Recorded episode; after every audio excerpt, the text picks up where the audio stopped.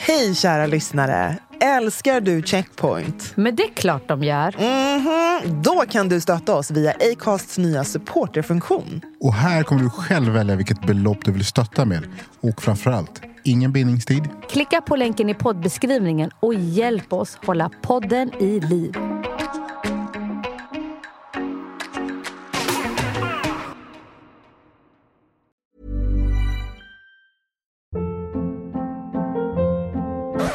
Hold up. What was that? Boring. No flavor. That was as bad as those leftovers you ate all week. Kiki Palmer here, and it's time to say hello to something fresh and guilt-free. Hello Fresh. Jazz up dinner with pecan-crusted chicken or garlic butter shrimp scampi. Now that's music to my mouth. Hello Fresh. Let's get this dinner party started. Discover all the delicious possibilities at hellofresh.com. Since 2013, Bombas has donated over 100 million socks, underwear, and t shirts to those facing homelessness. If we counted those on air, this ad would last over 1,157 days. But if we counted the time it takes to make a donation possible, it would take just a few clicks. Because every time you make a purchase, Bombas donates an item to someone who needs it. Go to bombas.com slash ACAST and use code ACAST for 20% off your first purchase. That's bombas.com slash ACAST, code ACAST. När det är en schysst och bra kollega eller kanske en chef som vi verkligen ser upp till. Och så är det prick där som den där sura, sura lilla kommentaren kommer. Eller det där, gud jag bara måste få känna på ditt hår. Hur fan hanterar man de här känslorna? För att just nu beskriver du vad jag har upplevt många gånger och jag känner, jag känner, jag kan räkna minst fem personer som går igenom precis det där just nu. Och då tänker jag så här, tricket. Vad är svaret? Ja, men så här, tricket tänker jag är att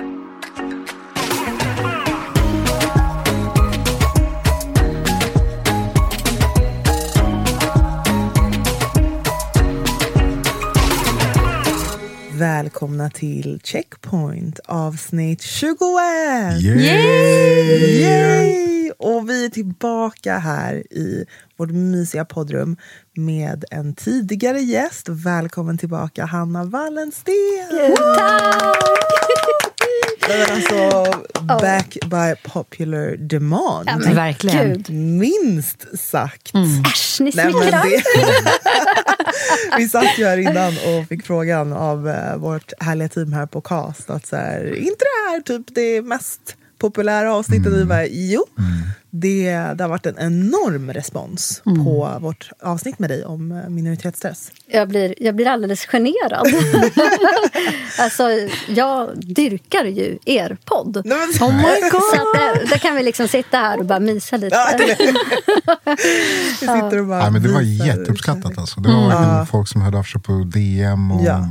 Bekanta som ringde också. Som var bara så här... Gud, jag, jag förstår mig bättre. Jag, alltså, så jag förstår saker och ting jag har gått igenom. Jag ser saker på typ med andra ögon. Ehm, och det, alltså, för mig var ju avsnittet terapi rakt igenom. Men ja. att få den responsen från andra har ju bara varit så här... Jo, vi är inte ensamma. Nej, alltså jag var ju väldigt nervös inför att vi, vi spelade ju in det avsnittet ehm, en tid innan. Så jag var ju nervös för att vi öppnade ju upp oss, eller ja, jag bröt ju ihop och grejer. Men, Så det var ju nervös för det. Men delvis har det varit väldigt fint att det är väldigt många som har sagt att de har använt avsnittet i men nästan så här utbildande. Både för sig själva, att de har lyssnat på det flera gånger för att liksom, det ska sjunka in. Jag vet många som har sagt att de har skickat det till sina chefer. Att så här, jag skulle vilja att du lyssnar på det här avsnittet för det beskriver mycket av det jag upplever. Ehm, jag har en vän som berättade för mig att de skickade avsnittet till sin psykolog. Och sa jag skulle vilja att du lyssnar på det här Du avsnittet. hör ju. Alltså så här, någonstans så jag bara, men gud det är helt sjukt. Ja. Vad är det vi har skapat här? Men det är väldigt spännande därför att jag gick eh, från den inspelningen så gick jag hem och bara, jag tror att jag har varit med om någonting helt speciellt. Jag, jag var väldigt uppfylld efter vårt samtal. Och så skulle jag försöka förklara vad var det som var så speciellt. Eh, och så har jag, jag har tänkt på det så många gånger. Vad var det som var så speciellt? Och jag tänker att det är någonting när vi får möjlighet att samlas. Eh, några personer som delar erfarenheter av möten med samhället. och känna oss trygga med att vi kan, här kan vi tänka, klura, bolla, fundera kring hur, hur blir det för mig? Vad handlar om mig, Hanna? Vad ligger liksom på Hanna-kontot? Mm. Vad ligger på eh, samhällskontot? Mm. Eh, det här är någonting som fler än jag upplever och möter i samhället. Mm. Eh, kanske kan få skratta åt eländet, mm. gråta åt eländet och känna oss trygga med att det är ingen som är här för att döma oss. Det kanske det inte är i andra sammanhang heller, men vi har inte samma känsla av säkerhet. Mm. Det finns en större känsla. liksom. Och det är också därför jag brukar prata om att det är så viktigt att, att hitta de där forumen där vi får prata med varandra. Och, mm. Och så. Men sen så, det som jag också tycker är så häftigt, som jag liksom var uppfylld av efter att vi hade spelat in det här och som gör att jag liksom bara återvänder till er podd om och om igen, är ju att ni ger ju liksom möjlighet för den som inte får vara med just här mm. att tjuvlyssna. Mm. Du har ju eh, tillsammans med några andra lanserat en, en ny tjänst egentligen, där ni utbildar ledare Mm. om det här ämnet. Ja. Kan inte du berätta? Alltså jag jublade när jag såg det på jag LinkedIn. Jag var så här... ja, ja nej men åh, det gör jag gärna. Vi, det är jag och så är det en kvinna som heter Anna Adenji och sen så är det en kvinna som heter Frida Sandegård. Det vi vill framförallt göra med den här utbildningen det är att ge ledare, personer som eh, liksom möter medarbetare liksom, kanske sitter i ledningar och så vidare. Lite grundläggande övning och eh, kunskap kring att eh, leda för jämlikhet. Mm. Och att få göra det på flera olika nivåer. För det här är liksom någonting som vi ser som väldigt centralt mm. i det här arbetet att vi behöver jobba på flera nivåer samtidigt. Det finns liksom en, en strukturell nivå på organisationsnivå som handlar om liksom vad vi har för policies, vad vi, tar, vad vi liksom arbetar med för aktiva åtgärder för lika behandling, hur vi, ja, men, hur vi tänker, vad vi har för grundläggande värderingar. Och sen finns det en gruppnivå som handlar mycket om hur, hur är vi mot varandra? Hur skapar vi ett vettigt arbetsklimat? Hur, hur ser vardagen ut? Vardagliga interaktioner. Och sen finns det en individuell nivå som handlar om liksom, hur ser det ut för varje enskild medarbetare? Hur blir det för den som själv känner sig utsatt? Hur blir det för den som står bredvid och tänker undrar om det där var undrar om det där blev dåligt för min kollega? Och hur blir det för den som kanske också blir anklagad för att ha gjort något klumpigt, mm. klantigt, elakt, fult? Mm. Eh, och hur kan vi arbeta med det? Mm. mm. Helt mm. fantastiskt. I love it. Jättebra. Jag tror att det behövs. Alltså. Gud, ja. Det, det behövs. Ja, men det är tänker, väldigt roligt. Ja, men jag tänker, gud vad, vad viktigt. Mm. För att när vi diskuterar, ett av de sakerna som också varit väldigt tydligt för mig är att minoritetsstress också handlar väldigt mycket om att det är socialt baserat. Eh, mm. Det som också slog mig det var så, men stress kan nog alla känna. Mm. Men eh, jag kan bli lite mindre stressad om jag också gör en viss uppgift och känner att ah, nu kan jag lämna, kan jag gå därifrån. Men jag kommer fortfarande vara lika stressad om jag, låt säga, nu är jag svart. Att få ett visst bemötande på en arbetsplats. Med största sannolikhet kommer det också påverka min tolkning kring, okej, okay, vart andra ställen kommer jag få det här? Mm. Banken, sjukvården, kontakt med polisen. Mm. Så tänker jag lite grann. Verkligen. Det är ju det som är så, så jobbigt med minoritetsstress. Mm. Att det är ju inte så att det bara är när jag är på arbetsplatsen. Jag brukar eh, göra jämförelsen med, med ålder. Ni vet när man kommer in på en fest eller på en ny arbetsplats så bara oops, alla här inne är tio år äldre än jag. Mm. Så kanske jag känner mig väldigt liten. Mm. Och vad händer med mig? Vad börjar jag göra då för någonting? Och tror jag att jag behöver försöka verka lite vuxen. Ja. eller så är jag på en arbetsplats eller en fest och så upptäcker att alla är tio år yngre än jag och bara oj, eh, ah, jag kan vara jätteungdomlig. Mm. och så tycker alla att man är jättepinsam. Mm. Men det där är ju ett tillstånd som går över i samma ögonblick som jag lämnar mm. festen mm. eller arbetsplatsen och går ut i övriga livet. Och det finns massor med människor som är i min ålder. Precis. Medan att ha en en hudfärg som avviker från normen. Och som, alltså det som ju är med minoritetsstress är ju också att, att det är en eh, social identitet som det finns negativa Precis. förväntningar kring. Så mm. Att till exempel vara homosexuell eller att ha en funktionsvariation eller så. så när jag, det har jag med mig hela tiden. Mm. Det är ingenting jag kan sluta vara eller mm. undvika att vara. Mm. Inget jag vill sluta vara heller för mm. den delen. Så det är den stora, stora skillnaden. Och det är det som gör att vi har det här med oss hela tiden. Och det är det som gör att när en arbetsgivare eller våra kollegor tycker så här, men vad måste du vara så känslig mm. eller liksom, vad du hakar upp dig. Ja, men det är klart, för dem så har det kanske varit två, tre tillfällen på en arbetsplats. Mm. Hur farligt mm. kan det vara? De har inte varit med oss ända sedan förskolan, skolan, mm. Mm. Eh, första praktikplatsen, första dejten mm. och så vidare. och så vidare. Första inflytten med nya grannar, nya kollegor på jobb A, B, C. De har inte varit med på alla de här tillfällena när vi har mött de här negativa förväntningarna mm. tidigare som gör att vår, vår liksom ork och tolerans kanske inte är så hög. Mm. Sen är det inte alla som hör till en, en minoritetsgrupp eller liksom en socialt stigmatiserad grupp som, som möter negativa förväntningar så ofta och så mycket. Och då är det klart att då kanske jag inte upplever minoritetsstress heller. Nej. Det är väldigt många, eller många, det är många eh, vänner med asiatiskt ursprung, har vi pratat om innan också, som har nämnt hur det för dem verkligen har trappats upp sen pandemin började. Eh, mm. I form av liksom, men så här, ska man säga, trakasserier eller generell negativ behandling mm. i vardagliga situationer.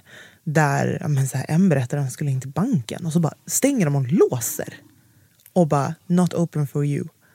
Alltså liksom såna, alltså så här, i ditt vardagliga liv, att bli bemött så. Mm. Helt plötsligt också. Kan ju verkligen, eller det gör ju att många verkligen bryter ihop för att det blir en chock mm. till systemet. Mm. Det är klart att man kanske har fått en del men att det eskalerar så fort mm. över mm. i princip en natt är ju mm. helt sinnessjukt.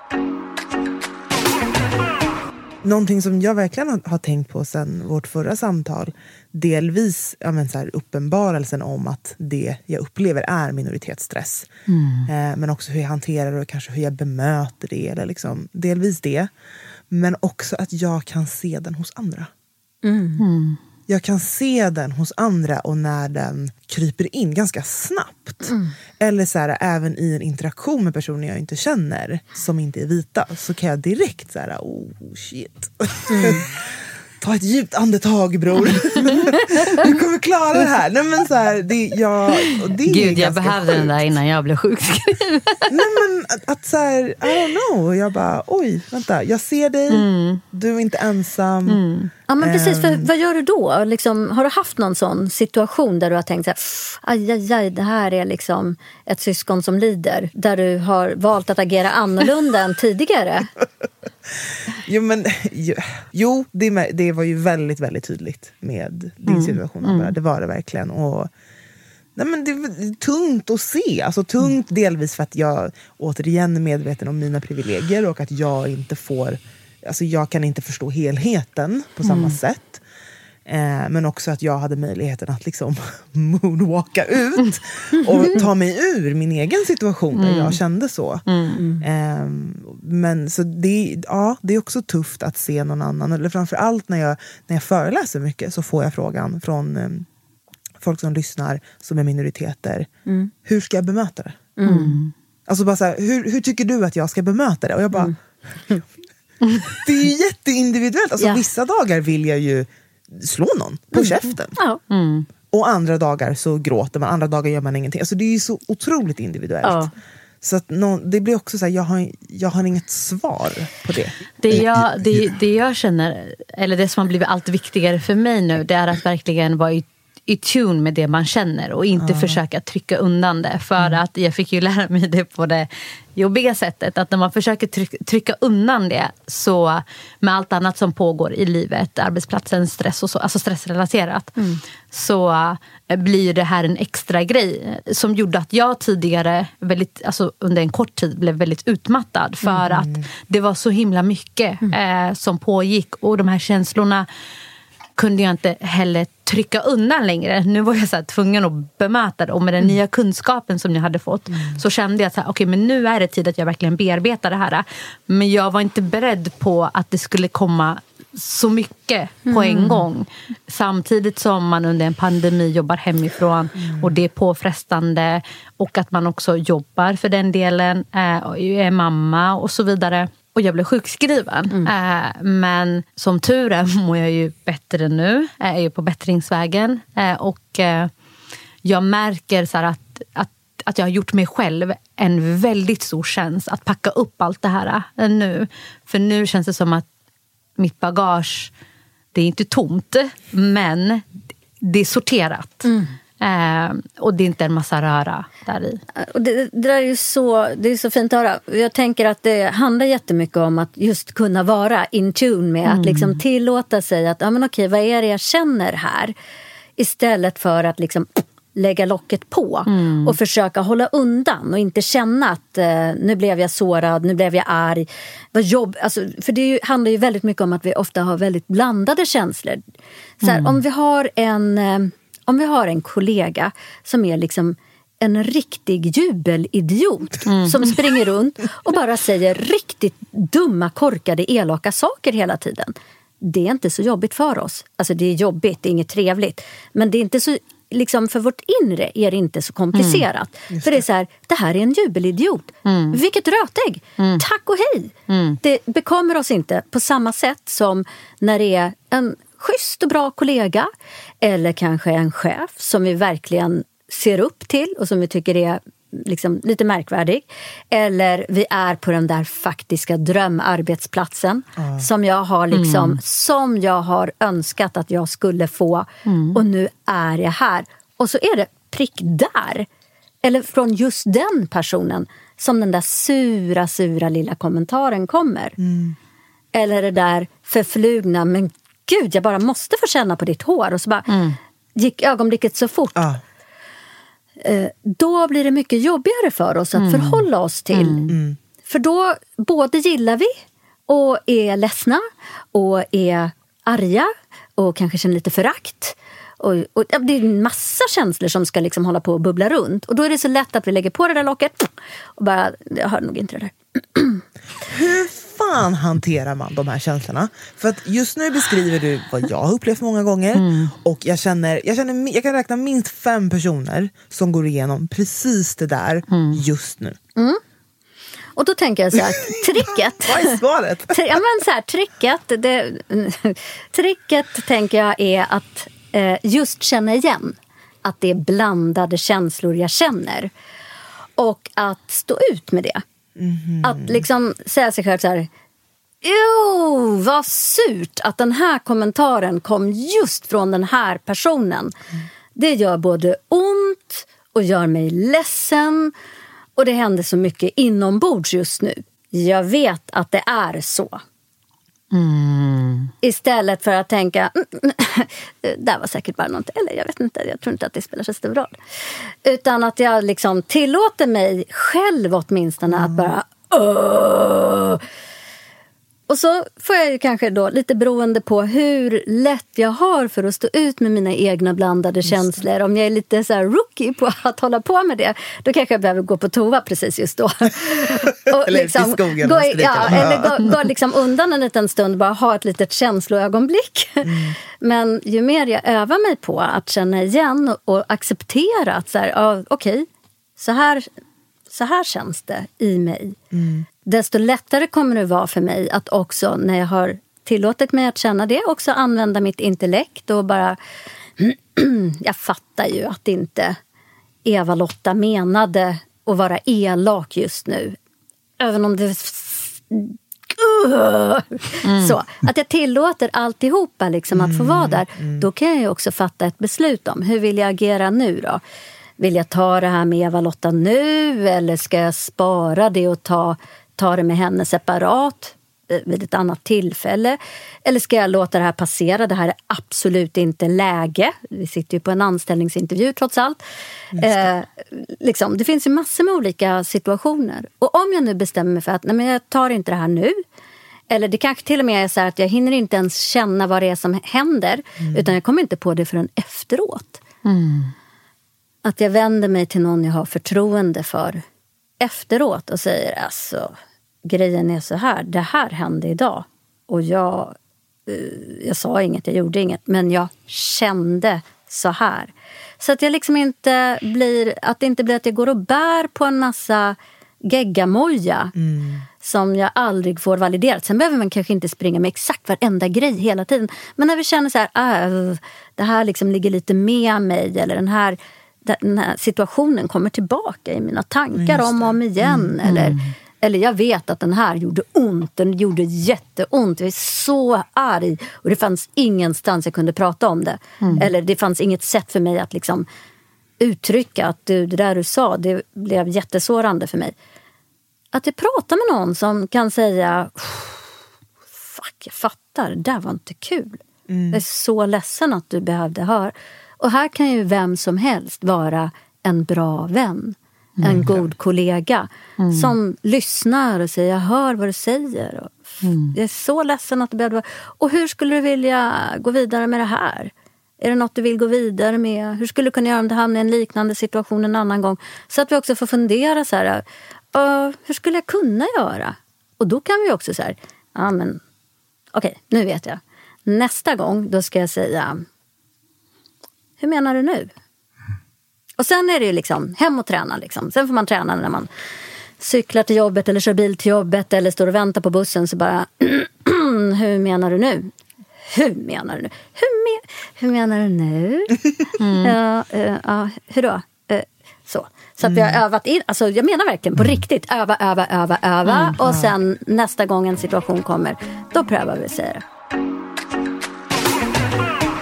Vi följer dig Hanna, så du. Du är vår förebild. Ja. du vet. vi, vi ser, Jag grinar. Ja, för att du sätter, du, du sätter fingret och beskriver väldigt mångas upplevelser som oj, inte får ta plats i det offentliga. Om jag säger så. Och då tänker jag att någonstans så skaver hos någon annan som säger så här, Mm. men vad fan håller du på med? Va? Vadå? Här, det här vet, vet jag inte vad vi pratar om. Nej. Och då tänker jag, var hittar du din återhämtning och hur hanterar du Har det kommit upp så här saker som du känner så här, "Nej, det var tufft alltså? Nej, aldrig. Nej, jag skojar. Oh, Ja, jag bara, det- va? Superkvinnan. Nej, nej, åh. Eh, så här ska jag säga. Jag är, jag peppar, peppar så här långt. Jag förstår att det säkert kan förändras. Men så här långt så har jag varit anmärkningsvärt förskonad. Alltså jag har sluppit väldigt mycket hat. Inte behövt liksom utsättas för hot än. Jag hoppas att det aldrig händer, men det vet man inte. Jag hämtar ju naturligtvis otroligt mycket energi i all, alla liksom positiva reaktioner jag får. Jag har blivit ganska duktig på att så här, hörde jag någonting positivt där? så här, samlar och bara... Ja, men så här, någon, någon säger någonting snällt så bara... Gud, vad härligt! Tack! När någon säger något så- elakt då? Ja, då beror det lite grann på. Alltså om någon säger någonting elakt. Jag tror, jag kanske är lite yrkesskadad. Så då blir jag så här, jag undrar varför han säger så. Den Tänker så här, den här personen kanske har något eget problem.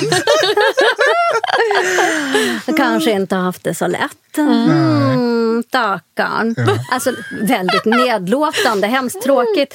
Nej, men, och ibland så, eller, det är klart att jag måste ju också naturligtvis fråga mig. Ibland så frågar jag mig så här, var det jag som uttryckte mig dumt? Eh, gick jag för fort fram här? Och det är ju helt öppen för att det verkligen lätt kan hända. Det jag kanske oroar mig mest för då, det är ju att jag ska råka säga något eller uttrycka mig på ett sätt som eh, blir liksom dumt eller korkat eller elakt. Alltså som uppfattas som elakt utan att det är min avsikt. Eh, på ett sätt som gör eh, människor besvikna och ledsna och arga. Och att jag liksom ska råka flasha ut i något större sammanhang och sen kommer det tillbaka. Liksom. Och det, det är nog det jag kanske oroar mig mest för att jag skulle råka göra. därför att jag förstår att vi är inte så många som får det här osannolika utrymmet som jag faktiskt har fått på sistone att prata om de här frågorna. Så då känns det som att ja, men jag vill så väldigt gärna eh, göra det bra. Du gör det jävligt Och det gör du. Ja, titta där! Nu, jag bara... Utan tvekan. Nej, men jag vill verkligen säga det också. att det, Jag tror inte du förstår hur mycket det betyder för oss och alla andra att få se dig sitta i Nyhetsmorgon och prata om det här. Berätta om våra upplevelser och, så här, och ta tiden att faktiskt utbilda. Inte bara finnas där för oss. Och alltså, en, en session med oss i gruppsession så, har vi liksom, så känner vi att vi har förändrat jättemycket i våra liv. Och jag tror att bara det kommer vara banbrytande för alla de som har sett det eller som hittar till dig på något sätt. Eh, Du, ban, du plogar vägen för Och då, oss. och, ja, jag, har liksom inte riktigt ord för att uttrycka min tacksamhet faktiskt för att ni säger så här. Jag blir jätterörd. Eh, Men också vill jag då säga så här, svaret, var hittar jag återhämtning? För det är en viktig fråga tycker jag. Som sagt, jag hämtar mycket i liksom, den positiva respons jag får. Alltså jag har hållit på med de här sakerna i 20 år, de här frågorna.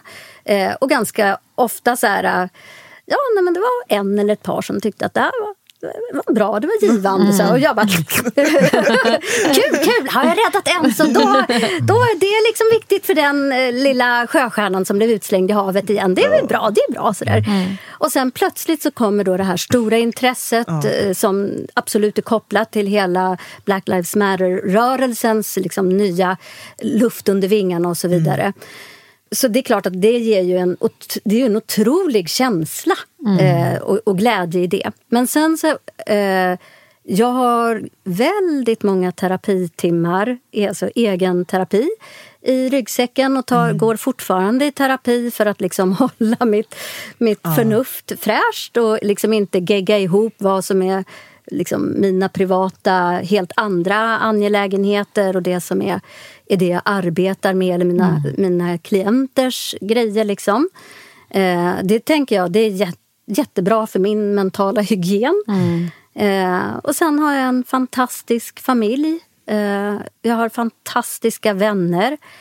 Eh, när det gäller just minoritetsstressfrågor så är kanske något av det viktigaste jag har... Dels har jag en grupp med adopterade från Etiopien och Eritrea. Alltså organisera oss. Jag kan inte nog understryka värdet av att hitta andra med likartade erfarenheter. Men sen har jag också några, några ännu närmare vänner som också är liksom POC. Eh, och vi har vår, vi har vår messenger-tråd. och då, då kan det ju vara så här att man sitter i något eh, udda sammanhang. Jag håller kanske en föreläsning och så kommer den där frågan som man bara Nej, inte 2021. Jag pallar inte. Och då i pausen då kan jag kanske bara skicka ett litet meddelande till dem. Vet ni vad jag fick nu? Jag fick den här. Och bara veta så här att det här kommer att landa i världens mjukaste jord. De kommer att skicka kärlek tillbaka. Och sen kan jag gå vidare. Ja, Och det är jag- vår messenger-tråd. Ja! Och då kan jag svara den här människan som ställde den här jättetokiga frågan på ett alldeles liksom, glatt och bekvämt sätt. För att jag är glad och bekväm. För jag har, liksom, jag har systrar som håller min rygg. tänkte på en annan sak nu. Blir bara nyfiken mer och mer när jag hör berätta på ett fantastiskt sätt. Men jag tänker i vår bransch så kan jag uppleva ibland att alltså, vissa frågor inte tas på största allvar eller investeras i eller ser ingen vinning i det ännu. Men det sker absolut lite förändringar. Då tänker jag att det är inte så länge sedan vi pratade om att det fanns någon, tror jag, som var tvungen att utbilda sin terapeut om minoritetsstress. Ja, exakt. Och Då blir man så här, ja men okej, det kanske inte var så bra samtal eller utbyte. Man ska säga. Det som ligger på det stora pluskontot är att jag ser att det kommer väldigt mycket fler personer som är POC som går på utbildningarna nu, på psykolog och psykoterapeututbildningarna. Eh, det finns liksom en ung generation som eh, är oerhört medveten, kunnig eh, kring de här frågorna och som kommer att, att rita om kartan, tror jag. Eh, men jag skulle nog tyvärr säga att det där med att undervisa sina massterapeuter, det tror jag att eh, väldigt många ja, BIPOC egentligen, eh, kommer att fortsätta få göra ganska länge till. Mm. Och jag är besviken på att jag inte har hört en större efterfrågan från svenska lärosäten om att få hjälp med det här. Eh, att, att komma igång med att liksom tänka kring det här, reflektera kring det här. Det finns en jättebra forskare som heter Sima Wolgast som finns på Lunds universitet. Hon gör ett strålande arbete där eh, och, och lyfter in de här frågorna på deras psykologprogram. Men det är ju på ett lärosäte. Och eh, om jag misstar mig här, så snälla hör av er till mig. Berätta var det finns. Eh, för jag får förfrågningar från framförallt klienter som, och även till viss del eh, vårdpersonal som vill eh, ha hjälp med det här. Så eh, jag, jag skulle verkligen önska att det fanns en större efterfrågan från från våra kårer, från, från de som där- inte själva delar erfarenheten. Men det är bra att du Det där säger är nu. veckans check yourself. Ja. Ja, Utan det, tvekan. Det är jättebra för att för inte så länge sedan heller diskuterade vi här att det fanns några unga läkare som lyfte frågan kring Mm. hur eh, vissa institutioner inte tog med andra typer av kroppar i sina utbildningar för Exakt. att kunna identifiera Absolut. vissa typer av till exempel hudsjukdomar och så Ja, vidare. Så, vidare. precis. så att det är nog jättebra att Läkarna har gjort ett alldeles utmärkt Ja. upprop nyligen eh, där de både synliggör den rasism som de själva möter från kollegor eh, men också som man möter då från patienter. Min, min tolkning av liksom situationen just nu är att det har kommit en del studier. Eh, det kom en studie, en avhandling om eh, läkarstudenterna eh, och rasism och sexism på läkarprogram. Och det har också kommit lite studier om, om rasism som både som läkare själva möter i vården men också som patienter möter. Vi har inte sett samma typ av studier kring i, i en svensk kontext kring att gå i terapi. Eh, och jag tror att det också är därför som de flesta upplever nog inte att det finns ett så stort problem. Alltså det, är- så att det är lite ond cirkel så här, eftersom det inte pratas om så kanske det inte finns. Eh, och min erfarenhet är att eh, den som söker eh, terapi generellt och inte känner sig förstådd, den kommer inte gå tillbaka bara men snälla kan du inte förstå mig lite bättre? Det orkar vi inte när vi mår psykiskt dåligt. Eh, mår vi fysiskt dåligt då kanske vi går till en annan läkare och till en tredje läkare. Ja, för du vill ju ha ett gips på armen. Liksom. Vi vill ha ett gips på armen, precis. Medan när vi psyki- mår psykiskt dåligt då är risken väldigt stor att vi istället går hem, fortsätter skära oss i armarna eller dricka för mycket, spela för mycket eh, och så vidare. Tror du, Hanna, att det finns en yrkesstolthet? Alltså det tycker jag också är väldigt, alltså väldigt vanligt just i reklam och kommunikationsbranschen. Att de som har jobbat i och verkat i den väldigt länge anser sig vara så pass seniora och veta bäst. Så att det finns liksom inget riktigt nytt att lära sig. och Hanna försöker hålla sig för skratt här. Ja. Nej, men det, så jag försöker liksom dra den parallellen. För att när vi då pratar om mångfald och inkludering då, känn, då är mottagandet ibland att nej men, jag har jobbat med det här och kommunikation i 25 år. Tror inte du att efter 10 guldägg att jag vet vad jag håller på med? Det är kanske är lite likadant. i- Men absolut, och så tror jag det ser ut i- i de allra flesta branscher. Att liksom, det vet vi också, så att eh, expertis gör ju tyvärr att vi i allmänhet blir liksom så lite sämre och sämre. Ja, så, ju mer jag nördar in på det här minoritetsstressområdet desto sämre kommer jag förmodligen att bli. Men, nej, men, att vi nej, men så här, jag tror kanske inom terapeutsvängen så tror jag att en, en stor risk är att det blir så här eh, ja, men liksom, hudfärg, absolut. Men nu jobbar ju vi med insidan. Så jag tänker kanske inte att det har så stor betydelse. Vi jobbar ju med dina inre föreställningar. Och det tänker jag, det tänker jag är en sån typisk tankevurpa som den kan göra som själv lever med en normativ hudfärg. Därför den behöver inte tänka på hudfärg.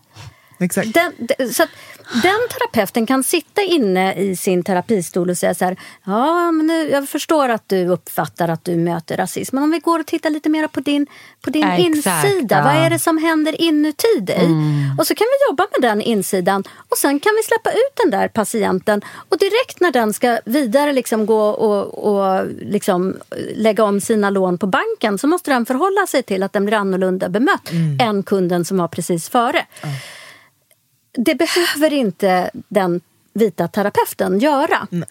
Och om den vita terapeuten inte är medveten om att det här är liksom en annan förutsättning då är det ju väldigt lätt hänt att patienten i fråga känner att "Äh, det är ingen idé.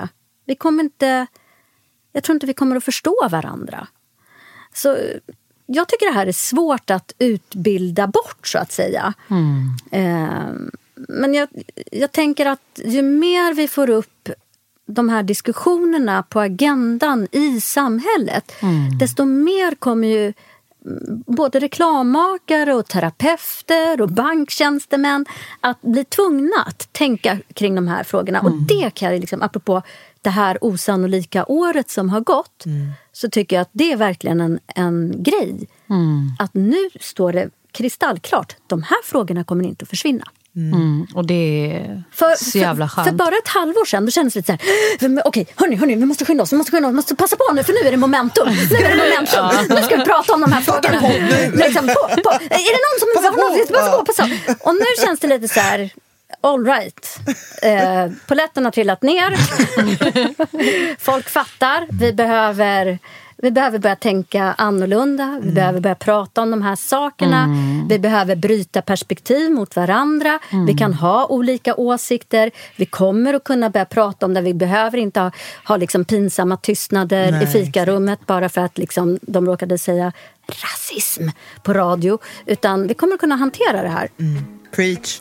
100 procent alltså. Preach. Avslutningsvis, vi har ju börjat eh, kika på um, våra, sp- eller våra spellistor, eller kolla i våra mobiler och vad det är vi har på repeat varje vecka. Hanna, jag vill var du så börja? rädd att den här frågan skulle komma! Okej. Vad har du på repeat Nej, men nu är det skämskudde på. Nej. Jo, Varför då? Du bara för baby jag shark. har ingen spellista. Du har ingen spellista. Det Någon lyssnar är, på. Vad lyssnar du på? Akut musiktorka i mitt liv. Eftersom jag aldrig lyssnar på musik så måste jag ju tralla själv. Så det, den låt som liksom har fastnat i mitt huvud som är hela tiden, det är Alicia Keys Falling. Ja, men det är. Åh, den är så bra.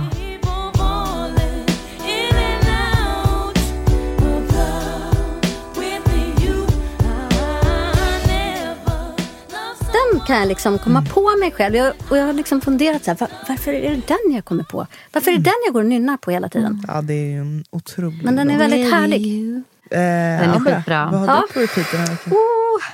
Den här veckan, Bruno Mars, Ah. Leave the door open. Nej, men alltså den är... Oh, alltså, så fort han börjar sjunga... Alltså jag var på hans konsert i Globen. Nej, men alltså, jag, bara, jag, jag gör vad som helst. Jag kommer klä av mig, jag gör vad som helst för den här mannen. Jag lämnar allt och alla. Jag kan flytta vart han vill. Alltså, det spelar ingen roll. Jag älskar honom så Alltså, mycket. Det är, när han börjar sjunga, det är otroligt. det Han var ännu bättre är live. silk alltså.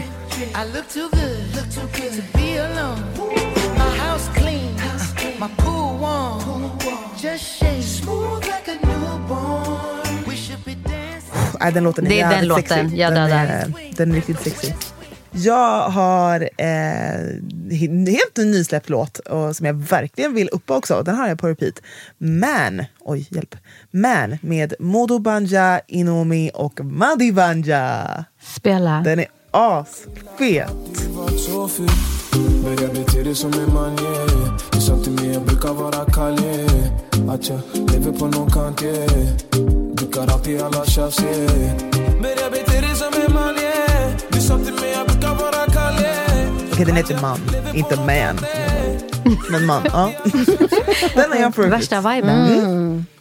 Eh, men då tar jag... Nu får ni hjälpa mig. Vad heter skådisen? I, Idris? Idris? Idris Elba. Elba. Ja, Bossy. Ah, den är Ah, nice! kör, Den är kör. riktigt nice. Bossy, bossy. Bossy. Fling a rag a rhythm like it's all free. Bossy. Man får värsta humöret utav den. Ja, den är riktigt nice. Nej men fan, ending on a high note igen. Vi dansar ut här. Hanna, stort tack. Ja, men gud, Tusen tack. tacka. Ja. Jag är Tusen så, tack Hanna. tack snälla för att jag får Verkligen för komma. allt. Och keep, ge dem vad de tål. Ja, men Yes. Allvarligt talat, vilket energitillskott här hörni. Att få komma hit och bara hänga med er. Och det är, också, Alltid det är lite, jag måste bara säga så här, så här i coronatid, när man aldrig träffar någon. Så bara så här kliva in i en studio med tre andra människor. Så man liksom, det är ju så trevligt. Alltså IRL! Kan vi liksom bara ha ett litet Aj. moment på det? Verkligen. Ja, Jag är så trött på att se människor via skärmen och Ja. bara så här, "Ja, Jag ser inte dig. Du, vänta. Okej, shit. du laggar, du laggar. Du, du. Så här, ni är utan fyrkanter. Det är helt fantastiskt. Nej, stort tack. Vi ses igen nästa vecka. Checkpoint. Med mig, Brandon och Your girl Anbara. Och Nicole. syns. Hej då!